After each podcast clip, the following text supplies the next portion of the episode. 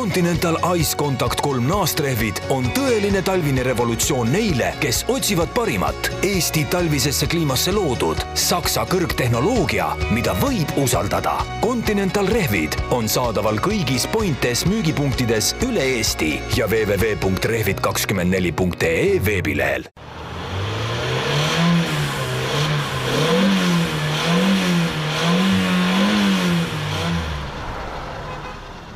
tere, ilusat kolmapäeva, kuulate istmesoojendust ja stuudios on nagu ikka Jan-Mattias Mandri ja Ülle Tampere. tere hommikut! ja täna on meil väga-väga palju huvitavaid ja väga eriilmelisi teemasid, et äh, räägime esiteks veapunkti süsteemist, mida on meil siin riiklikul tasemel välja töötamast, mis asi see üldse on ja millal see tulla võiks äh,. arutame ka natuke Tokyo autonäituse üle ja masinate üle, mida seal näidati ja loomulikult ei saa ka meie oma autoteemalises podcastis äh, mööda äh, Ott Tänakust, kuigi meil on ka ralliteemaline podcast Delfis, kus juba selle üle pikemalt arutatud on, siis jah, Tänak on selline, selline kõva teema ikka meie automaailmas, et kahjuks ei saa ka meie ilma temata. Äh, proovisõiduautoks oli sellel nädalal BMW M kaheksasada viiskümmend i Grand Coupe ja nipinurgas äh, räägime maanteekiirustest, mida tänasest siis muudeti. tuleb kõva saade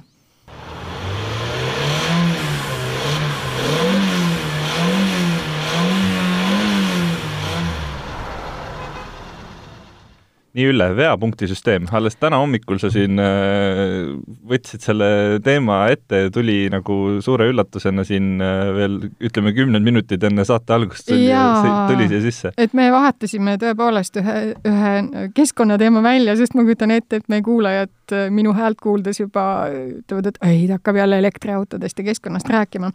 aga liikluskeskkonnast küll, muuseas, täna on see päev kui äh, enam ei saa sõita sada ja sada kümme kilomeetrit äh, maanteedel tunnikiirusega, vaid et äh, peab järgima siis üheksakümnest piirikiirust, mis tähendab seda, et kuni üheksakümmend kilomeetrit tunnis võib sõita. ja sellest, sellest räägime täpsemalt juba hiljem, aga praegu veapunkti süsteemist. aga see veapunkti süsteem on paljuski sellesama asjaga seotud, et Äh, meie Majandus-Kommunikatsiooniministeeriumis tuli üllatusena Maanteeameti kogutud andmete põhjal välja tulnud fakt, et autojuhid, kes on vahele jäänud kiiruse ületamisega, satuvad viis korda suurema tõenäosusega liiklusõnnetustesse et õig-, õigemini nad põhjustavad liiklusõnnetuse, kus võib olla ka inim kannatanud. ja sealt siis tuli uuesti üles teema, mis on juba aastaid üleval olnud, paljudes riikides on veapunktisüsteem ära tehtud, Eestis on see kogu aeg kukkunud mingite toolide vahele, et ikkagi nüüd selle veapunktisüsteemiga peaks edasi minema. see tähendab siis seda, et äh, kui äh, on registreeritud liikumisrikku, liiklusrikkumine, siis sa saad selle eest nii-öelda mingisugused karistuspunktid, kui sul koguneb neid teatud arv, siis lähed korduseksamile kui läheb üle selle, sa ei lähe näiteks korduseksamile, ei läbi mingeid koolitusi, siis kaotad juhtimisõiguse.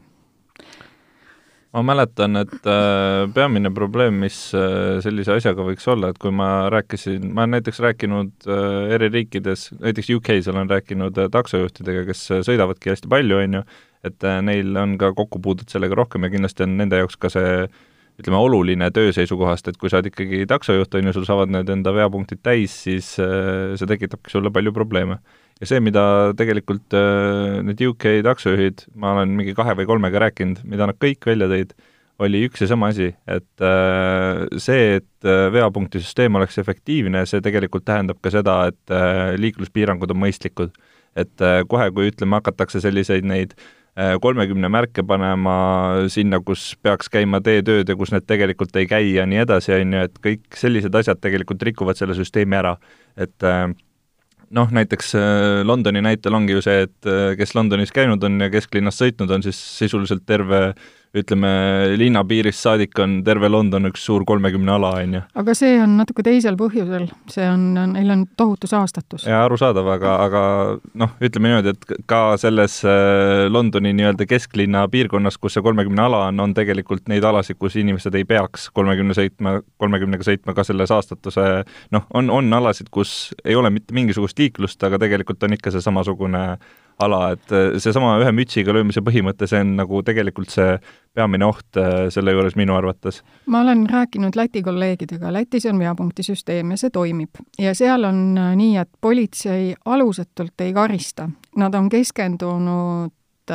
siis paadunud liiklusrikkujatele. et kolleeg nende mingisugusest autoväljaandest, mille nime ma praegu ei oska öelda, ütles, et temalgi on juhtunud seda, et on kinni peetud, aga ta ei ole veapunkte selle eest saanud, sest et tal on olnud ühekordne eksimus ja see eksimus ei ole olnud äh, nii olulise tähtsusega. ja ütles ka, et äh, kuigi Läti politsei äh, noh, on väga aktiivselt teedel väljas, nad mõõdavad ka nii-öelda põõsast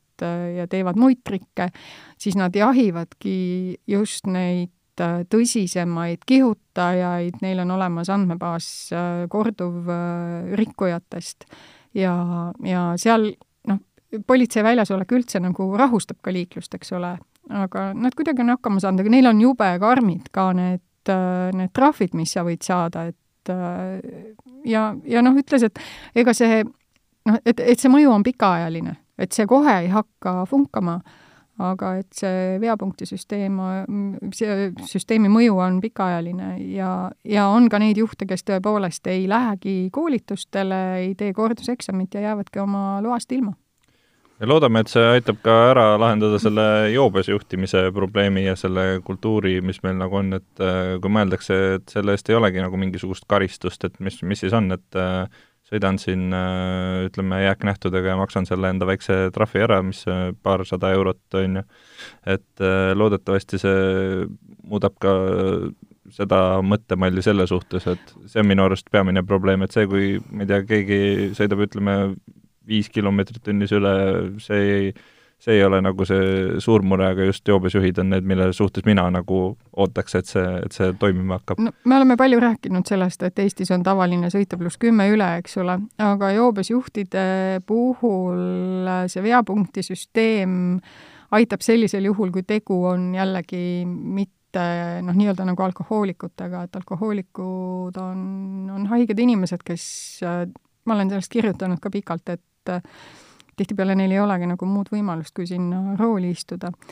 aga no loodame, et see veapunktisüsteem nüüd siis äh, läbi läheb ja nad sellega kusagile jõuavad, et äh, ega see nii kiiresti muidugi ei juhtu, et see on mingi aasta-kaks, mis võtab aega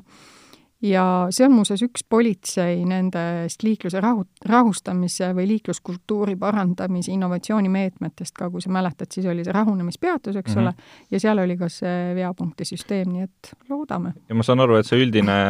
üldine mõte selle taga on ka see, et äh, juhtide liikluskäitumine just muutuks ja rehabilitatsiooniprogrammid ja nii edasi, et selline üldine liiklusteadlikkus ja liiklusharidus muutuks, mitte see, et nagu inimestele lihtsalt lisatrahve teha, et riigikassat täita, on ju. jaa, no sellest on ju ajakirjanikud ka kirjutanud, et seda nii-öelda täienduskoolitust võiks olla vaja, sest me kõik oleme enda meelest nii kogenud autojuhid, aga me teeme liikluses ikkagi ühtseid vigu ja kui Sirle Loigo Eesti Päevalehes ütleb ka, et kihutavad kõik, et kiirust ületavad kõik, et siis see, see probleem on ikkagi üldine. muuseas, kas sa tead, milliste automarkidega kõige rohkem kihutatakse? no ma juba siin äh, sain väikse vihje, et äh, see on see automark, millega me siin eelmisel nädalal sõitsime. ja nii on, et BMW juhid kihutavad kõige rohkem ja mida Audi juhid teevad? ja Audi juhid äh, sõidavad purjus peaga. täpselt nii tuli stati-, statistikast välja, et Eesti Päevalehes on lugu täna olemas. aga nüüd lähme hoopis teise teema juurde ja räägime Tokyo autonäitusest, et äh, nii palju, kui mina neid Tokyo uudiseid olen jälginud, siis ma ei tea, kas see on äh, kas see on teie väljaande spetsiifika või on see üldine Tokyo autonäituse trend, et äh, hästi palju on taastuvenergia sõidukeid ja seejuures mitte ainult elektriautosid, vaid ka kõiksugu muid huvitavaid masinaid. Jaa, äh, no Jaapani autonäitus Euroopa omadega võrreldes ongi hiiglasuur ja nad ei näita, ütleme siis nii, et nad näitavad vähem öö, äh, olemasolevaid autosid ja rohkem neid, mis tulevad aasta või ka kümne aasta pärast teedele ja tänavu on rõhk olnud äh, just nimelt nii sisepõlemismootoriga kaasajastatud autodel kui siis ka vesinikul ja elektril.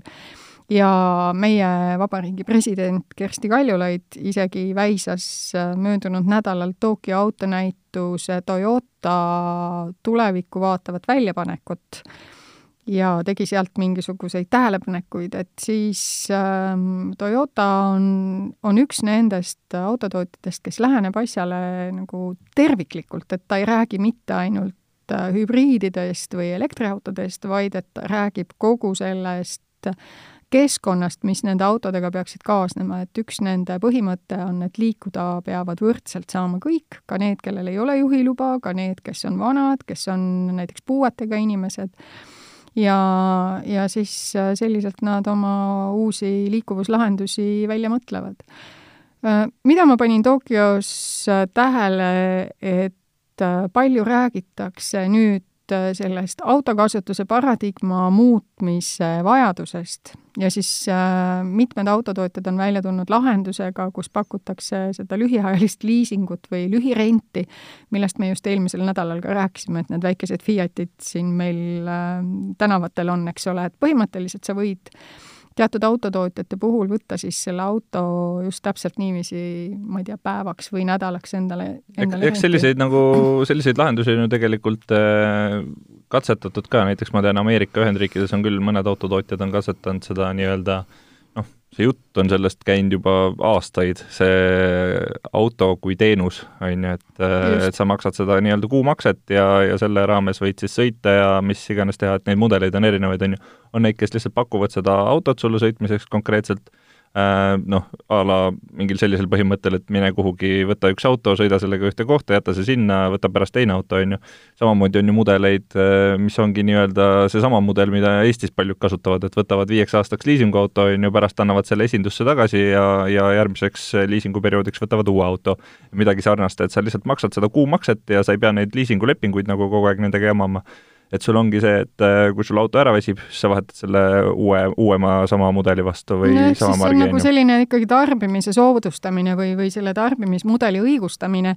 aga tõi välja minu meelest Link and Co selle suhtarvu, et üheksakümmend protsenti inimestest ikkagi eelistab äh, mingil moel omada isiklikku autot ja siis kümme on need, kes on valmis äh, minema nagu seda teenuse kasutamise teed.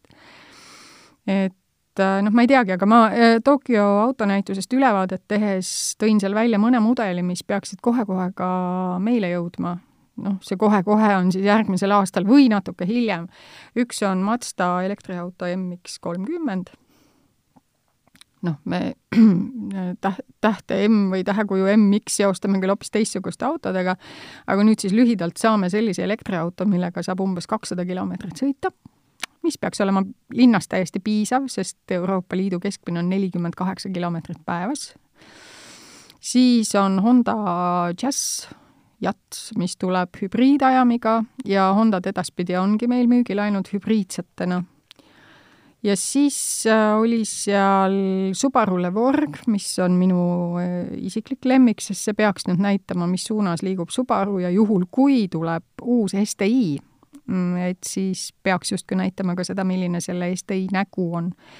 ja noh, ma ei tea, kas nad panevad STi-le siis ka hübriidmootori vahele või tuleb täiselektriline, et seda aeg näitab, aga ma väga loodan, et nad teevad ikkagi uue STi äh, ma tooks omalt poolt ka välja, et kui me siin juba MX-idest rääkisime, siis mul jäi äh, Acceleristas jäi äh, silma üks äh, väga huvitav auto, mis natukene meenutas MX-i, see oli sellise Walesi idufirma nagu River Simple Äh, siis niisugune väikene kahe, kaheukseline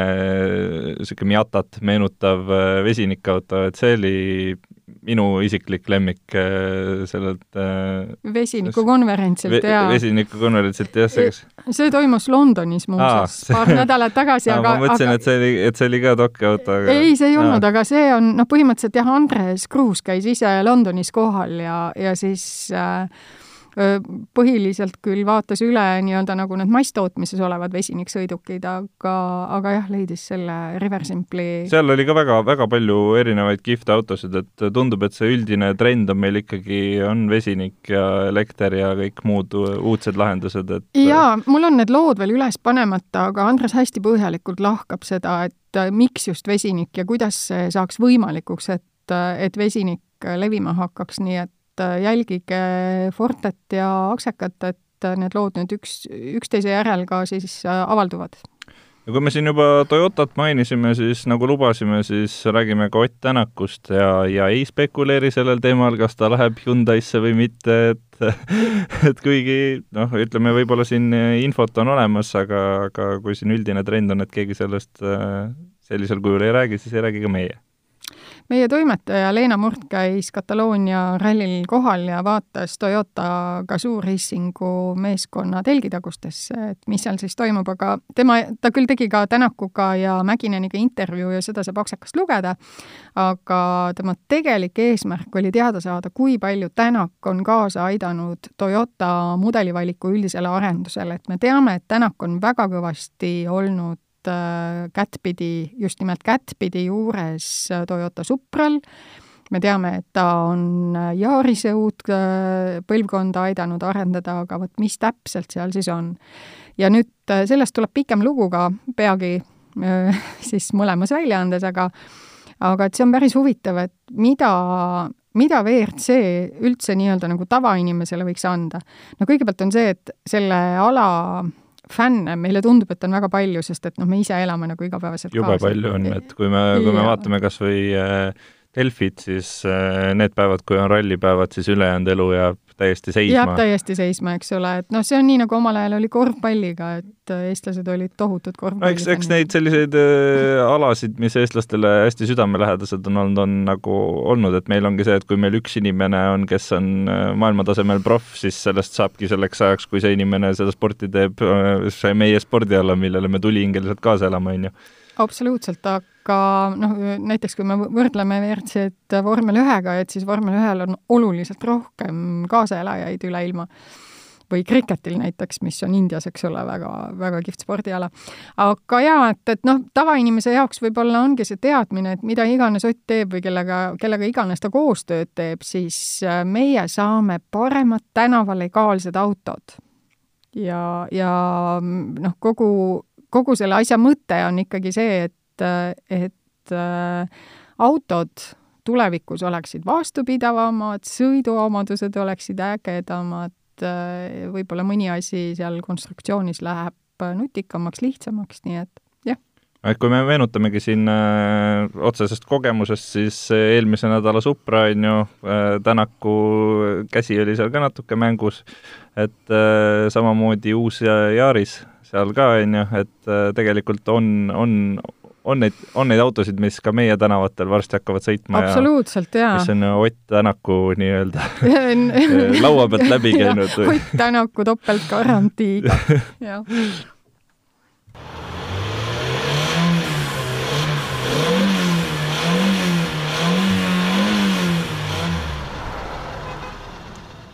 nüüd äh, räägime siis äh, üldse mitte Toyotast vahelduseks et räägime hoopis äh, BMW-st M kaheksasada viiskümmend i Grand Coupe. Ülle, sa olid super skeptiline, kui äh, ma välja pakkusin, et võiks teha sellega väikese sõidu no jaa, sest äh, see auto antud ajahetkel käib ilmselgelt mulle üle võimete, nii et ma pidin korraldama assisteeritud proovisõidu, me läksime Veli ja Maarjaga Tabasalu rajale ja siis ähm, tegi Veli seal äh, niiviisi nagu normaalsed sõidetud ringid ja siis läksin mina nagu Benskar nelikümmend, viiskümmend kilomeetrit tunnis peale, et et äh, kuna see auto oli vist ka sinul ainult mõni tund käes ja see mm -hmm. oli ju kõik ööpimeduses, eks ole, et me võtsime hilisõhtul ja viisime juba varahommikul tagasi, et no mida sa siis selle auto juures seal pimedas nii väga käsikaudu testid? Et ma olen jätkuvalt skeptiline, ma tean, kui hea see auto on, ma olen sellega käinud Saamimaal äh, sõitmas ja olen sõitnud ka selle kaheukselise versiooniga siin varakevadel aga ma ei oska mitte midagi, ma ei, ma ei oska nagu mitte midagi erilist selle kohta öelda. Äh, kui sa, kui sa sõitsid sellega seal Saamimaal, kas äh, sa said siis proovida ka seda, et mida see X-Drive seal äh, lume peal sellise hulga kilovattidega teeb, et seal on ikkagi ütleme niimoodi, et äh, nii paljude kilovattidega autoga ma ei ole isegi sõitnud, et see on seal juba niisugune kolmsada üheksakümmend vist või? Et noh, see on ikkagi selline auto, mis ütleme, kui sa gaasipedaali vajutad, siis äh, tekitab natukene hirmu, et ma, ma kujutan ette, et ta võiks olla lume peal väga lõbus, sest et see päev, kui mina sellega sõitsin, siis oli hästi äh, vihmane päev ja, ja tegelikult mul kogu aeg nagu peas sees käis, et ma küll teadsin, et juhiabid on kõik peal, on ju, nelik ka, et see ei ole nagu nii hull, kui oleks puhas tagaveoline olnud, aga aga ikkagi oli nagu natukene oli mingi niisugune aupaklikkus või nagu kartus oli selle auto ees. no ta on suur ka, et ta ongi niisugune maanteelaev, et ja kui sa siin enne ütlesid, et et me nüüd räägime, et ei räägi seekord Toyotast, siis äh, BMW ja Toyota teadaolevalt teevad ju ka omavahel koostööd, küll nüüd mitte selle kaheksanda seeria osas, aga seesama Z4 ja Supra on põhimõtteliselt nii-öelda nagu sõsarmudelid. ja kui sa mäletad, siis me nädal aega tagasi rääkisime ka, et kui Z4 puhul on selline noh, jääb nagu selline tunne, et on äge auto, aga ei midagi erilist ja Supral on iseloomu, vaat siis seesama asi on selle kaheksandaga ka, et ta on nagu nii suurepärane auto kahtlemata, kahtlemata, tal on kõik noh, põhimõtteliselt ta on ka tark auto, eks ole, kes, kes õpib sinu käest ja võib sulle koosolekuid kinni panna ja anda teada,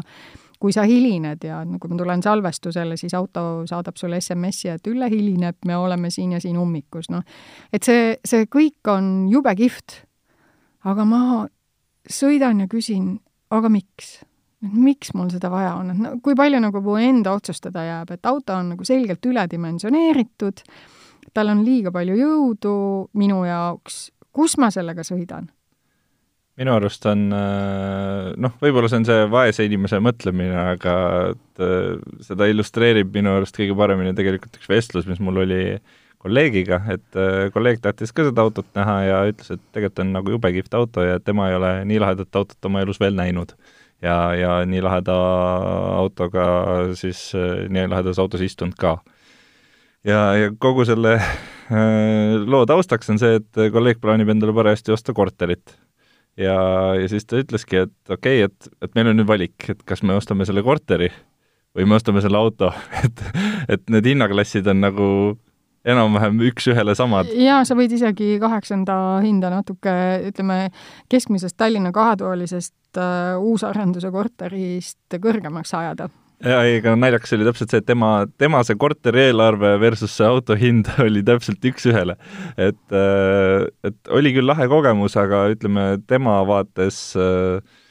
ta pigem ostab selle korteri, kui hakkab äh, investeerima seda autosse, mille väärtus tegelikult kukub juba sellega, kui sa sõidad esinduse uksest välja, on ju. aga no nii see ongi, et et äh, ütleme siis nii, et keskklassile see auto jõukohane ei ole ja see, ja see sihtrühm on ikkagi sootuks teine, et kui sul on elus kõik eluks vajalik olemas, siis sa võid omale selle auto häbenemata ja pikemalt mõtlemata osta ja oled teinud väga hea ostu. seda illustreerib veel üks teine vestlus, mis ma pidasin sellesama autoga seoses ja see, see vestlus oli see, et äh, et üks niisugune praktiline küsimus oli, et äh, seal taga on see konsool, on ju, mis tähendab, et taga saab tegelikult istuda ainult kaks inimest normaalselt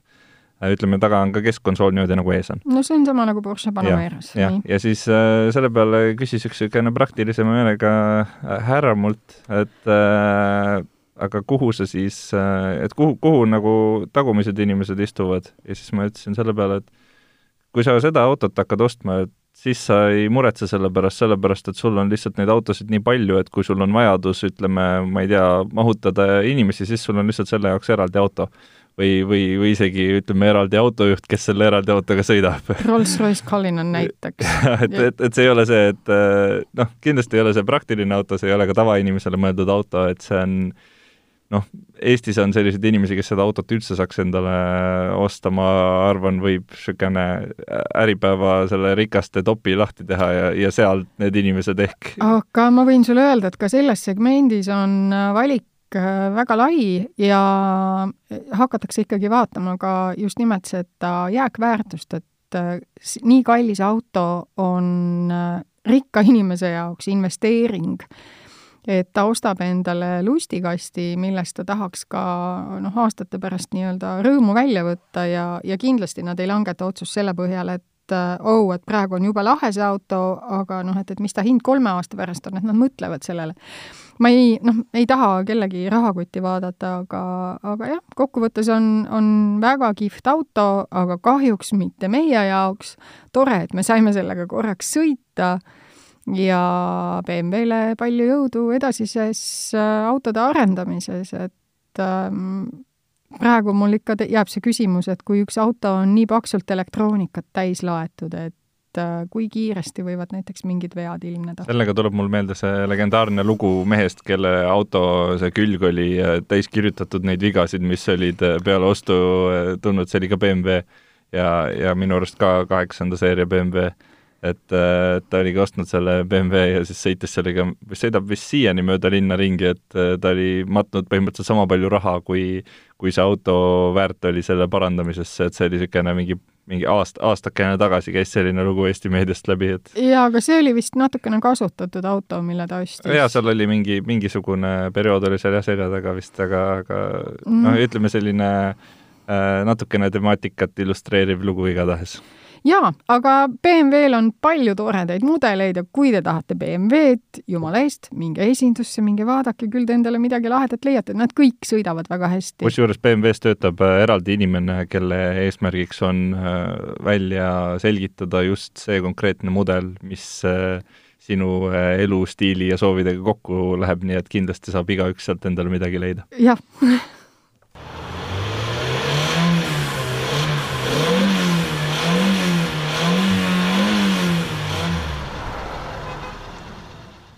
ja nipinurgas räägime natuke kiirustest, et nagu Ülle siin juba saate alguses mainis, siis äh, veapunkte küll selle eest veel ei saa, aga tegelikult äh, täna tasub juba ütleme, kriitilisema pilguga vaadata seda, et kas need harjumused, millega muidu äh, seal saja ja saja kümne lõikudel on sõidetud, et kas need harjumused lähevad ka kokku sellega, mida näitavad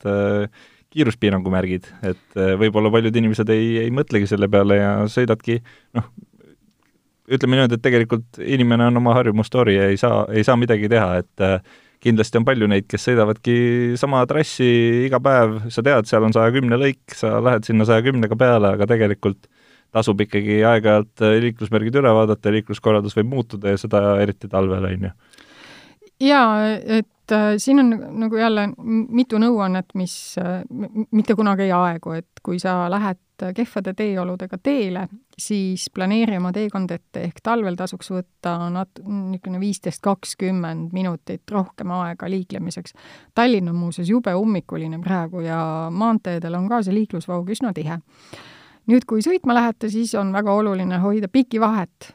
ja tegelikult on jube oluline ikkagi just talvel hoida seda ettenähtud kiirust, sest äh, sest meie teed on, nad kipuvad lagunema, siis äh, vahelduvad äh, need libedad ja kuivad alad ja siis on vett vahepeal ja et see kõik on nii mitte ainult enda ja kaasliiklejate tervisele, vaid ka auto tervisele päris kehva. Muuseas, sellest statistikast veel ma lugesin välja, et kihutavad uuemate autode omanikud ja kui ma eile selle, et tänasest enam ei tohi sada kümme ja sada sõita, uudise üles panin, siis päris mitu inimest kirjutasid ka, et see on nii ebaloogiline, et autod on ju nii head, autod on ju nii turvalised, miks me ei tohi sõita. et noh, sealt tulebki välja see, et me oleme ilmselt Äh, noh, oma, oma uusi autosid või uuemaid autosid hakanud nii tohutult usaldama ja, ja siis see liiklusmärk läheb lihtsalt meelest, kuigi enamusel nendest autodest on liiklusmärkide lugejad ju peal, nii et auto ise sulle ka ütleb, et näed, siin sa võid sõita viiekümnega ja kui sa siis ületad, siis ta kas hakkab plingima või, või blinkima, noh, midagi ta teeb, eks ole. või see kiri läheb punaseks seal kuskil. just, jah, aga noh, me ikka kipume seda ignoma, et äh, ei teagi, et äh, kui noh, kui vaadata, kuidas äh, ja nagu see üldine liikluspilt minu meelest on paremaks läinud, et äh, ma olen täiesti tähelepanelikult nüüd ka vaadanud, kuidas inimesed sõidavad, et ei ole väga palju neid, kes roolis kõrvaliste asjadega tegeleksid või kipuksid äh, kihutama. aga need, kes seda teevad, noh siis nagu näha, on, on ilmselt, et ega neid millegagi ei muuda ah,. ja üks asi veel, talvel möödasõit. et äh, minu meelest on väga õige öelda selle kohta, see ei ole kohustuslik manööver. ma olen ise olnud Äh, paksus hädas lumelopas möödasõitu tehes. ja ma tean, kui õudne see on, kui auto tahab käest ära minna. et äh, mõelge viis korda, enne kui hakkate möödasõitu tegema, ehk siis distants, möödasõit, teekonna planeerimine, auto on juba tehnilises korras, eelmine nädal tegime, eks ole, nii et siis peaks kõik hästi olema. ma omalt poolt paneks veel südamele, et äh, lähima kuu või pooleteist jooksul tasub olla eriti ettevaatlik, kuna see on see hetk tegelikult, kus inimestel veel ei pea olema äh, talverehve all ja, ja kuna tegelikult temperatuurid on samamoodi seal ohtlik, kõige ohtlikumas vahemikus, kus vahepeal ütleme, vahepeal sulab, siis jäätub, siis sulab, siis jäätub ja, ja põhimõtteliselt sa võid hommikul minna välja, siis on sula, õhtul tulla, siis on uuesti jäätunud, et äh, et need temperatuurid mängivad ja see kogu üldine taust seal, seal nende rehvidega näiteks äh, toob ka kindlasti kaasa palju ohtlikke olukordi, pimedus on ka. et, et pimedus, praegu on kiiresti jah. läinud pimedaks, et see on samamoodi, et praegu on üks kõige ohtlikumaid aegasid liikluses, et äh, tasub sõita väga ettevaatlikult. jah, ja turvalist jõudmist koju siis ja kohtume jälle nädala pärast. nägemist!